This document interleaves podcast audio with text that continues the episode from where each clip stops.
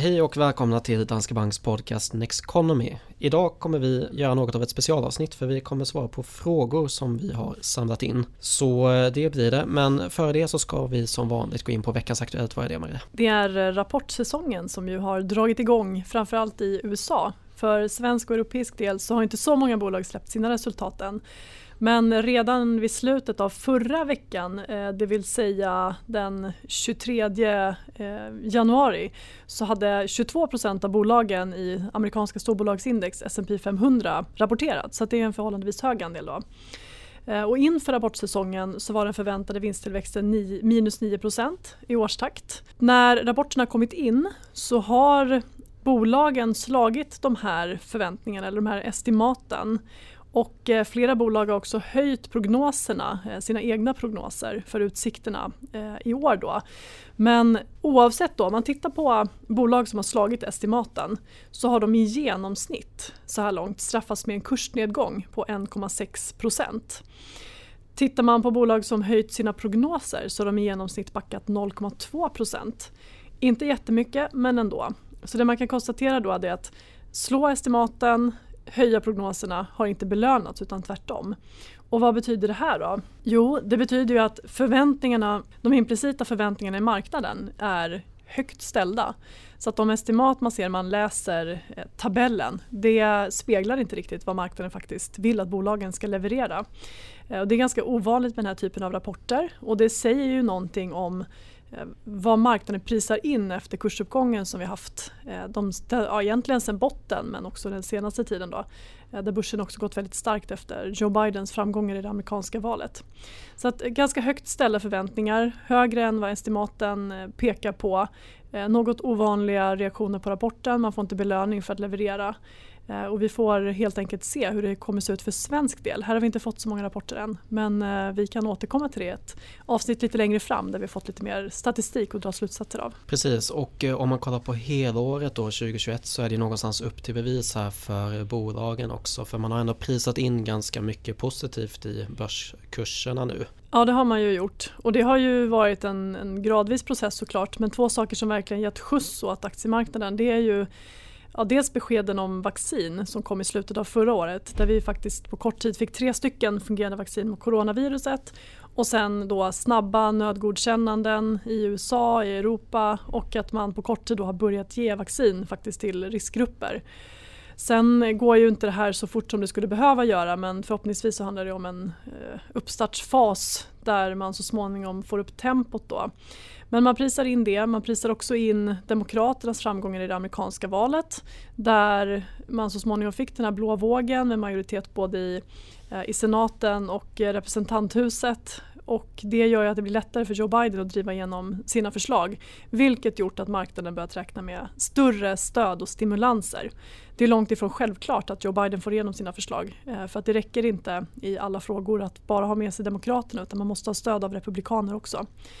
Så att eh, det återstår att se lite grann hur mycket han kan leverera där. Men det är helt klart så att marknaden prisar in en, en ljus framtid och att eh, estimaten från analytikerna kanske ligger lite lågt eh, jämfört med de implicita förväntningarna i marknaden. Mm. Bra, då ska vi gå vidare till ämnet för dagen då och det här blir något av ett frågeavsnitt. Det är alltså lite blandade frågor som vi har fått in som vi tänkte ta upp idag. Och den första det har att göra med barnsparande eh, då har vi egentligen två olika frågor kopplat till det. Det är alltså hur sparar man bäst till barn och de två underfrågorna är vad är en kapitalförsäkring och hur fungerar den? Fördel och nackdel när man sparar till barn. Och den andra är då är ISK det bästa för barnsparande? Så jag tänker helt enkelt att vi pratar lite om hur man sparar till ett barn på bästa sätt. Och innan vi går in på detaljerna kring de här skalen ISK kapitalförsäkring så tänker jag att vi kan väl bara konstatera att en stor fördel med att spara just till barn det är att det är ett väldigt långsiktigt sparande förutsatt att man börjar i tid. Så att sätter man igång när barnet redan är litet så kan man ju ha en sparhorisont på i vart fall 15-20 år. Och det innebär ju att man har goda förutsättningar att få pengarna att växa som man sätter undan till barnet därför att man kan våga ta risk när man sparar så långsiktigt och då ta risk genom att välja eh, huvudsakligen eller uteslutande aktiefonder till barnet. Åtminstone fram tills barnet, den dag barnet ska använda pengarna börjar närma sig för då kan man börja, börja se över det med risken. Men när barnet är litet, eh, man har lång sånt så kan man välja att ha en stor del eh, i aktier då. Och ju tidigare man börjar desto bättre. Därför att ju längre tid pengarna har på sig att växa desto större chans är det att den här ränta på ränta effekten kommer göra att sparandet växer mer och mer. Man får den här snöbollseffekten att ett litet sparande som hela tiden förräntas och ökar gör att sparandet växer. Ehm, Exponentiellt och mer och mer. Då. Och det där kan ju få en ganska stor effekt på slutet då för jag brukar säga att 81,5 av Warren Buffetts 84,5 miljarder de skapades efter hans 65 födelsedag. Så det blir en ganska stor effekt den här ränta på ränta-effekten och även då om man sparar eh, börjar tidigt och sen så kan man se det här på slutet då att eh, man, man, får en väldigt fin effekt innan barnet då ska fylla 18 eller 20 eller vad man nu har bestämt. Ja. För det är det som är det fina med kapitalförsäkring då också. Att en kapitalförsäkring den kan du ju ha i ditt eget namn så du är försäkringstagare om man säger och sen kan man sätta sitt barn som förmånstagare vilket då gör att man själv kan bestämma när barnet ska få pengarna. Så är det så att man inte känner att man vill ge barnet pengarna direkt när de fyller 18 ja men då kanske man kan ge en del när de fyller 18 och så kan man portionera ut det. Man, man har bättre förmåga att själv bestämma om man säger. Mm, och um det där är ju också bra då om man har flera barn. Ehm, man, man kanske börjar med ett barn men de flesta får fler med tiden och eh, ett problem då kan ju vara att har man två separata sparanden så kan det få ganska stor effekt när man börjar spara. Så att även om du då, säg under barnets eh, första 18 år, sätter in exakt lika mycket till båda så kan det ju skilja rätt mycket hur mycket de faktiskt har på 18-årsdagen beroende på hur börsen har gått.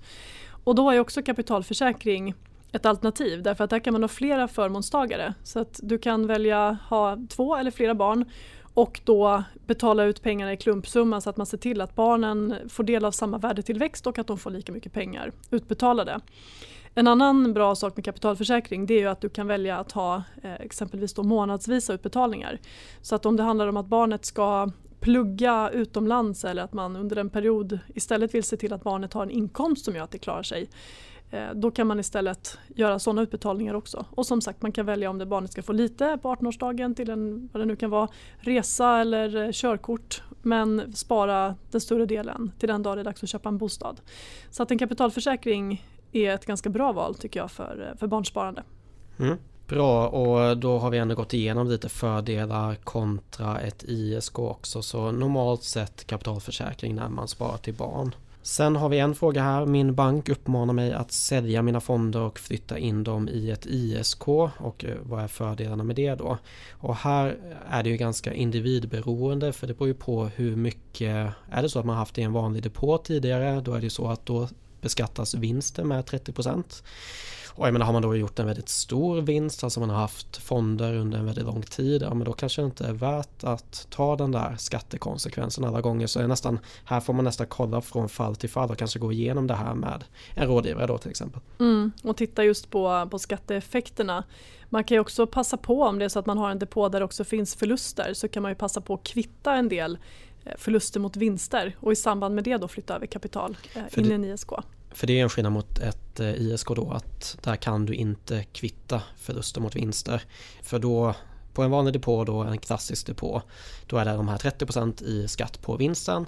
Medan på ett ISK så har du en schablonbeskattning då som dras varje år på portföljens värde. Och den är ju väldigt låg i dagsläget för den utgår ifrån statslåneräntan föregående år. Förra året då sätts den i november då, då var den på 0,09% minus. Och sen så ska man addera en procentenhet på det här och sen så finns botten på 1,25% vilket innebär att den här schablonbeskattningen är på 1,25% av värdet på ISK idag då. Och sen så ska man ta 30% av den summan. Eh, det, det är enklare att kanske läsa om det här själv men det finns ju på Skatteverket och på andra ställen exakt hur den här beräkningen görs.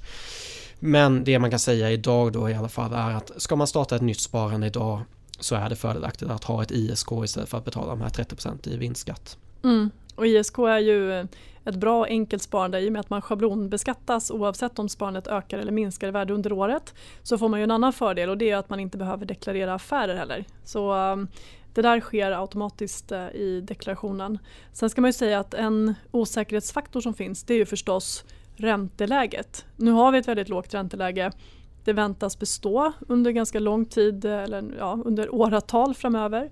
Så att förmodligen så kommer ISK fortsätta vara fördelaktigt ganska länge till.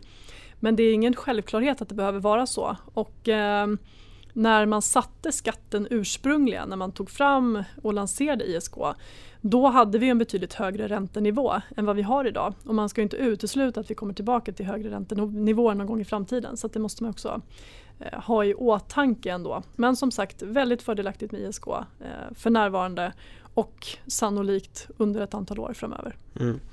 En annan positiv eh, sak där är att du inte behöver skatta på utdelningar heller. Så annars så blir det ju de här 30 procenten på utdelningar också i en vanlig depå. Eh, och sen en skillnad mot en kapitalförsäkring där ISK kapitalförsäkring det är det här med utländska alltså utdelning från utländska bolag.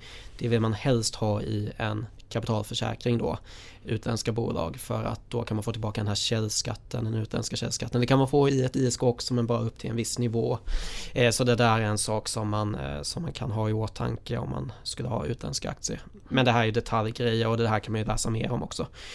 Men om vi ska säga något generellt utifrån det här så om man ska starta ett sparande idag så välj ett ISK eller kapitalförsäkring lite beroende på vad det är för sparande och vad du ska ha för innehav och undvika att ha en depå då från idag och framåt. Mm.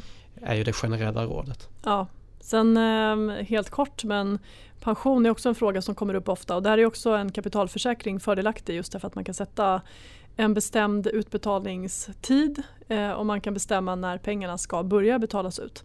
Vilket också kan underlätta om man har fått ihop ett sparkapital som man vill ska betalas ut månadsvis exempelvis från den dag som man eh, väljer att gå ner i arbetstid eller gå i pension. En annan sak bara med ISK som är ganska bra det är ju det här att när man inte har den här skattekonsekvensen att ta hänsyn till om man till exempel har då en aktieportfölj det är ju att du faktiskt kan gå ur marknaden något enklare. Annars så finns det en tendens att man fokuserar väldigt mycket på den här anskaffningskursen. Det gör man ofta ändå. Det är alltså ett mentalt ankare. Vi antar att det priset som vi köpte aktien för, det kan vi anta är det rätta. Så allting under är billigt och allting över är dyrt.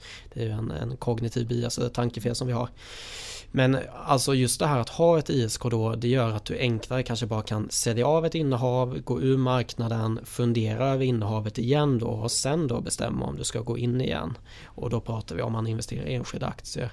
Att det kanske är enklare att agera rationellt på det sättet för man har inte den här skattekonsekvensen att ta hänsyn till. Mm. Bra, då har vi gått igenom ISK kapitalförsäkring och depå. Jag tycker att vi går vidare och svarar på den här frågan. Jag vill investera i indexfonder men det finns en uppsjö. Vad ska man tänka på? Fördelning? Hur många fonder ska man ha egentligen? Och eh, någonting som man kan börja med att säga här det är ju det att eh, alltså när vi funderar över att bygga en portfölj så handlar det ju, för när man pratar om indexfonder då pratar man ju ofta om aktieindexfonder för det är det som finns i princip. det finns inte indexfonder på samma sätt, inte i samma utsträckning i alla fall på obligationssidan. Så jag menar vi börjar ju ändå någonstans att kolla på vilken risk som kunden ska ha. Vilken risk kan man hantera i en portfölj? Och eh, då bygger vi en portfölj både utifrån ett marknadsindex eller aktier helt enkelt och sen också utifrån obligationer och kanske till och med andra tillgångsslag. Det kan vara bra att ha som en utgångspunkt att det behöver inte bara vara så att du ska ha en indexfond med 100% aktier. Det kan vara så att du kanske ska ha lite räntor också. Mm. Och där finns det ju några faktorer man ska beakta när man väljer hur hög risk man ska ha. Och det handlar ju i grund och botten allra mest om tidsperspektivet. Ju längre du sparar desto högre aktieandel kan du generellt ha. Sen är det den individuella riskaptiten. Vissa av oss eh, kan acceptera att det svänger väldigt mycket i sparandet utan att det spelar någon större roll därför att man ser det långsiktigt eller helt enkelt inte eh, påverkar så mycket mentalt medan andra känner att de vill trycka på säljknappen så fort det skakar till. Och det tredje då det handlar ju om hur mycket man kan bära i form av förluster. Har man eh, en situation där man är beroende av det här sparkapitalet och man tål inte att det tappar mer än en Ehm, ja, viss procent eller andel i, i värde då måste man också förstås justera risken efter det. Men de här sakerna då, eh, tidshorisont, riskaptit och förmåga att bära förluster är det man behöver fundera på och tycker man att det är svårt så kan man få hjälp. Precis och utifrån det då så kan man ju bygga en portfölj. Det har vi varit inne på tidigare i tidigare avsnitt. Men det har ju att göra med korrelationer då. Alltså du vill inte att alla tillgångar i portföljen rör sig exakt likadant. Du vill inte att de har en korrelation med varandra så att säga. Så jag menar om det händer något oväntat någonstans i världen så är det okej att det påverkar en del av portföljen men du vill inte att hela portföljen faller ihop på grund av det. Eh, så därför gäller det att investera globalt då på aktiesidan, att du har en exponering mot hela världen. Och samma sak då att på obligationssidan så om man kollar på till exempel high yield obligationer så har de en ganska hög korrelation med aktiemarknaden. De rör sig ungefär som aktiemarknaden så de ger inte något extra skydd direkt. Alltså även om de har de bidrar till en portfölj men det ökar inte diversifieringen lika mycket som om man också adderar då kanske statsobligationer med olika löptider och kanske tillväxtmarknadsobligationer och även då företagsobligationer med en annan kreditvärdighet och investment grade som vi brukar prata om. Mm. Det är ganska viktigt också hur man, hur man då eh, lägger till den här ränteportföljen för att få en bättre portfölj som ger en bättre riskjusterad avkastning och som du enklare kan hålla fast vid över tid. Eh, så det är värt att ha i åtanke. Men om vi går tillbaka till det här med just indexfonder så brukar man prata om en global indexfond och då försöker man ju då spegla hur börsvärdet ser ut i världen. Men de flesta indexfonder de har inte med emerging markets till exempel. Så jag menar du kan börja med en global fond och som, ett bra, alltså som en bra bas. Men sen kan det vara värt att addera tillväxtmarknader och man kan också göra andra justeringar. Mm. Och en annan sak eh, som, man kan vara, som man kan ha i åtanke det är ju att Anledningen till att man väljer indexfonder är ju att man inte vill betala för en aktiv förvaltning därför att man inte tror att en aktiv förvaltare kommer kunna skapa en, en överavkastning. Så då föredrar man att försöka efterlikna utvecklingen på marknaden och eh, hålla nere avgiften. Och det är jättebra att hålla nere avgiften men när man börjar titta på indexfonder så finns det också skillnader, eh, kanske mer i tiondelar än hela procentenheter men det finns skillnader i avgift. Det finns allt från gratisalternativ till de som kostar uppåt en halv procentenhet. Och när man tittar då på det här så kolla inte bara på exakt vilken avgift det är utan titta också på vad fonden innehåller. Det finns indexfonder som speglar bara de absolut största bolagen på en börs, på Stockholmsbörsen till exempel de 30-40 största. Och sen finns det indexfonder som speglar ett brett index där man också får med mellanstora bolag och lite mindre bolag. Och i valet då mellan de här två så är det värt att betala lite extra för att få en bredare exponering och dels få en, en större diversifiering eh, men också få med bolag som inte liksom, är de stora jättarna på marknaden. Och varför det då? Jo, därför att om man tittar historiskt så har de mindre bolagen gett en faktiskt betydligt högre avkastning än de allra största. Och det handlar ju om allt från att eh, det är ofta bolag som verkar i eh, ja, lite mindre nischer och har man en, en, lägre omsättning så är det lättare att växa mycket procentuellt sett än om du redan är världsledande eh, inom ditt område. Då. Så att, tänk på att få en bred exponering, också få med de lite mindre bolagen därför att om du väljer en fond som kostar extremt lite så kan det istället kosta dig i form av utebliven avkastning. Mm. Och sen jag menar det är svårt att basera framtiden på vad som har hänt historiskt men den här småbolagsfaktorn då att de har överavkastat det är någonting som man har kunnat se då i studier. Men sen också även om det inte skulle vara så så är det fortfarande en diversifieringsaspekt då. Småbolag tenderar att gå bättre vid andra tidsperioder än storbolag och det kan vi se nu då. Alltså småbolag är mer cykliska ofta så nu när vi har en tillväxt som tar fart igen ja men då, då, då tenderar de att gå bättre. Mm. Och tvärtom också ska man nämna då att de tenderar att gå sämre i perioder när det blir tufft. Så Precis. det slår det hårdare mot de mindre bolagen. Så det ska man också vara beredd på. Ja, så om man då har en portfölj med både stora och små bolag, ja, men då har du ju den här mixen då. Så att du har i de här lite sämre tiderna, då kan storbolagen ge lite stöd åt portföljen och i bättre tider så kan småbolagen då ge lite extra avkastning. Så det är återigen då, försöka bygga en portfölj så att man får ta del av olika typer av bolag med olika typer av karaktär som går bra vid olika tidsperioder. Mm. Bra, då har vi gått igenom indexfonder. Om vi går vidare då så har vi en fråga. Kommer börsen stiga ännu mer nu när corona förhoppningsvis försvinner? Det hade varit fantastiskt om det var så. Eh, och eh, vi pratar ju ofta nu om ljusare utsikter för tillväxten i år där man väntar sig att när de här restriktionerna som ligger för tillfället kan lättas framåt våren så kommer vaccinationsprocessen rulla på i bakgrunden under sommaren så ska vi förhoppningsvis kunna få ner smittspridningen eh, både tack vare vaccinering av befolkningen men också därför att det varmare vädret gör att vi kan ses utomhus, svårare för viruset att spridas. Och när vi sen kommer in i hösten då så ska så många vara vaccinerade att vi inte behöver stänga ner ekonomin på samma sätt igen.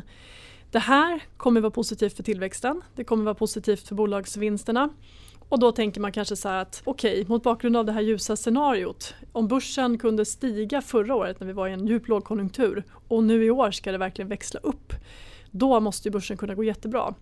Nej, eh, så enkelt är det tyvärr inte. Därför att aktiemarknaden är framåtblickande.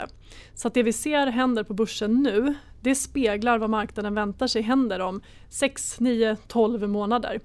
Och det här kan man se då om man lägger en graf över börsutvecklingen på en graf över den förväntade vinstutvecklingen om 12 månader så följs de där väldigt fint åt. Så att anledningen till att börsen står där den gör nu det är att vinstförväntningarna på 12 månaders sikt har stigit. Och det betyder att man har redan prisat in det här ljusa scenariot. Så att snarare är det ju så att det behöver hända någonting antingen ytterligare positivt som gör att vi får ännu mer bränsle eh, på börselden eller att det händer någonting negativt som gör att vinstförväntningarna skruvas ner. Eh, och det skulle då kunna resultera i att börsen eh, går ner. Så att man kan tyvärr inte säga att bara för att vi eh, väntar oss en väldigt stark konjunktur mot slutet av året så eh, kommer det göra att vi står inför stora börslyft. Nej, och jag tycker ett bra exempel på det här är eh, hur börsen agerade i november när vi fick de här vaccinnyheterna. Då gick den svenska börsen mätt som 6PRX då upp 12% bara på en månad och det är ju en, en väldigt bra årsavkastning. Då handlade man ju inte på hur det såg ut just då utan man handlade ju på hur det skulle se ut nu under 2021 då mm. när vaccinet eh, kunde spridas och sådär. Och det kan man också se om man börjar titta under så att säga, huven på breda börsindex att det som väntas hända i år, det vill säga att tillväxten i ekonomin växlar upp och att vi får en starkare konjunktur. Det gynnar ju mer cykliska konjunkturkänsliga bolag och där hittar vi bland annat banker, vi hittar industri, material, energibolag som gick svagt under stora delar av eh, 2020, åtminstone om man jämför med IT till exempel, de här strukturella tillväxtsektorerna. Men då Eh, sen Joe Biden vann presidentvalet i USA i höstas så har vi sett till och från i alla fall den här sektorrotationen att de cykliska eh, sektorerna har gått bättre och det kan man också se under inledningen av det här året. Att väldigt mycket handlar ju om ett hopp om starkare tillväxt. Och kollar man på den svenska börsen så har ju en del av eh, verkstadsbolagen gett en, en avkastning som är tvåsiffrig bara sedan årsskiftet. Eh, och väntar man sig i snitt att börsen ska stiga 10 per år knappt så har vi faktiskt fått en årsavkastning på bara årets första 3-4 veckor. Mm. Bra, då ska vi gå vidare till den sista frågan för idag då. Om man kollar på historien så ser man ett tydligt mönster att börsen gått upp och ner sedan 1995. Är vi nära en nedgång igen? Det hade varit jättefint om man kunde titta på den grafen och eh, helt enkelt rita in några fina streck, eh, en okulär besiktning och sen tala om när den ska ner igen. Men eh, så enkelt är det inte riktigt. Det finns en anledning till att det ofta står att eh, historisk avkastning säger ingenting om framtida avkastning när man tittar på börsgrafer och sådär. Och det är ju så att det går ju att räkna på hur det sett ut historiskt. Så hur ofta har det kommit en kris som fått börsen att falla i genomsnitt? Hur lång har en konjunkturcykel varit i genomsnitt och så vidare. Men världen förändras ju hela tiden och eh, penningpolitiken förändras, förutsättningarna för företagen kan förändras och ibland händer det någonting som vi inte alls räknat med.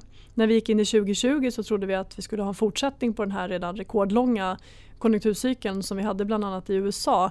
Men så blev det inte till följd av coronaviruset. Ibland finns det kanske andra tecken eh, som föregår krisen. Som eh, blickar man i backspegeln så kan man se att det fanns de som varnade för finanskrisen också eh, och som såg de här obalanserna som byggdes upp eh, gradvis i Eh, i ekonomin och i det finansiella systemet. Men eh, det är lätt att vara efterklok. Precis, och det, alltså visst man kan se de här tendenserna men det är alltid svårt att veta när det faktiskt kommer realiseras, när den här krisen i så fall kommer. Det var ju samma sak med IT-bubblan, det var många som gick ut där och pratade om höga värderingar och sådär. Men det var väldigt få som kunde säga att exakt när det här skulle komma. Många var tidiga med att säga att det var en bubbla på gång då. Mm. Eh, något som kan vara värt att komma ihåg också när man kollar på en sån här historisk graf och när man kollar på de här nedgångarna och uppgångarna. Alltså när man, när man ser på den där grafen så ser ju alla uppgångar, alltså när man är på toppen där ser ut som klockrena säljtillfällen och när man är på botten ser det ut som, som köptillfällen. Så är det alltid i efterhand. När man, men när man väl är mitt inne i det här då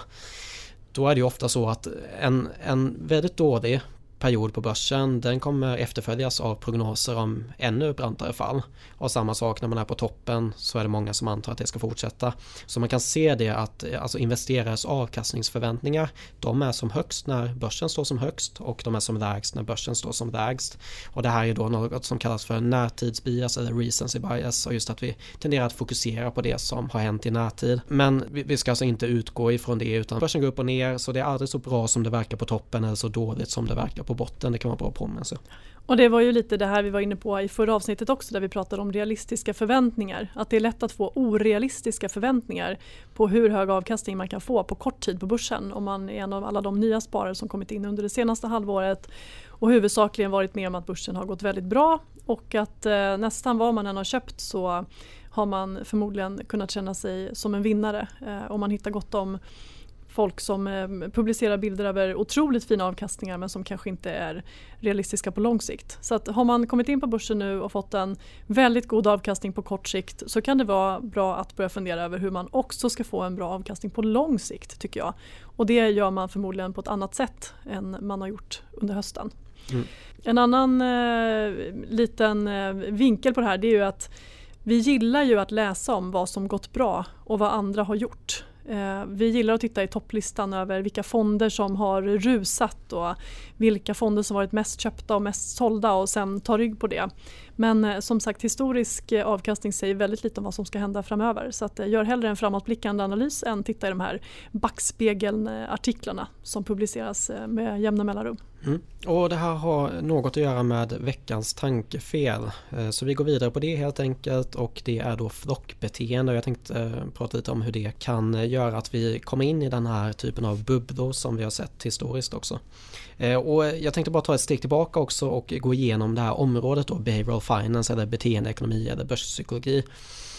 Och det här bygger då på evolutionsteori och att vår hjärna inte är helt anpassad för den tid som vi lever i. Homo sapiens då, vårt släkte, har funnits i ungefär 200 000 år och fram till för ungefär 12 000 år sedan så levde vi som jägare och samlare. Och det var i den miljön som vår hjärna utvecklades då. Så hjärnan är framförallt konstruerad för att spara energi till när vi behöver den. Den är alltså byggd för kortsiktig överlevnad och det är väldigt svårt att vara en bra långsiktig investerare när man har en hjärna som just är byggd för kortsiktig överlevnad. Det är ju då här som behavioral finance kommer in i bilden. Så tankarna om det här ämnet har funnits ett tag. Jag vet att John Maynard Keynes skrev om det här med animal spirit som han kallade det redan på eh, 30-talet. Och sen på 50-talet så var det en del sociologer som försökte applicera det här mänskliga beteendet då på ekonomiska samband. Eh, Robert Merton skrev om självuppfyllande profetior vid bankruns till exempel. Och sen då kom Daniel Kahneman och Amos Tversky in på 50-60-talet. Det var alltså två psykologer som började göra experiment kring hur människor agerar vid ekonomiska beslut. Och de kunde då visa att vi inte alltid är så rationella som ekonomiska modeller säger att vi ska vara. Och jag pratade om det här med att spara energi tidigare och ett sätt för hjärnan att spara energi det är genom att ta genvägar i vårt beslutsfattande. Och på grund av de här genvägarna då så har vi vissa kognitiva biaser eller tankefel som människor. Och en sån bias är då flockbeteende, alltså vi är evolutionärt utvecklade för att vara en del av en grupp. Vilket gör att vi drar oss för att fatta beslut som går emot majoriteten. Så om alla gör någonting så gör vi gärna likadant och på börsen betyder det då att vi gärna köper när alla andra köper. Och det här kan då göra att de här finansiella bubblorna skapas. Och det här är något då som Nobelprisvinnaren Robert Schiller har forskat i också. Och han menar ju då att bubblor uppstår när investerares förväntningar ökar på grund av tidigare prisökningar. Så då stiger priserna ännu högre och det får fler investerare att bli än mer intresserade av börsen. Så när det har gått bra så ökar alltså antalet som tror att det är ett bra sätt att tjäna pengar genom att vara investerad på börsen. Och sen då när värderingen är som högst precis före bubblan spricker då är investerare som mest entusiastiska kring avkastningen på börsen framöver. Och där har vi ju då IT-bubblan i slutet av 90-talet, vi har Söderhavsbubblan på 1700-talet, vi har tulpanbubblan i Holland på 1600-talet. Det är alltså ett återkommande fenomen för även om, eh, som du var inne på tidigare, att börsen förändras, cykler förändras förändras. Men det som är konstant är ju människan. Vi tenderar att göra samma misstag om och om igen så det kan vara bra att ha i åtanke då när någonting har gått väldigt starkt att fortsätta ha tålamodet och ha den här diversifierade portföljen och inte gå all in i något som har gått väldigt starkt. Mm. Och inte dra långsiktiga slutsatser baserat på det som har hänt den senaste tiden. Precis. Mm. Bra, det var veckans tankefel. Då tänker jag att vi ska avrunda för idag. Eh, ställ gärna frågor i frågeformuläret i avsnittsbeskrivningen och kom med förslag på ämnen eller gäster som vi ska ha med framöver. Och eh, följ oss på Twitter och gå in på nexteconomy.se som är eh, vår nyhetssajt där ni bland annat hittar artiklar och filmer och poddar om vår marknadssyn och investeringsstrategi. Och nästa avsnitt kommer om två veckor igen. Tack för att ni har lyssnat idag. Vi hörs nästa gång. Tack och hej. Tack och hej.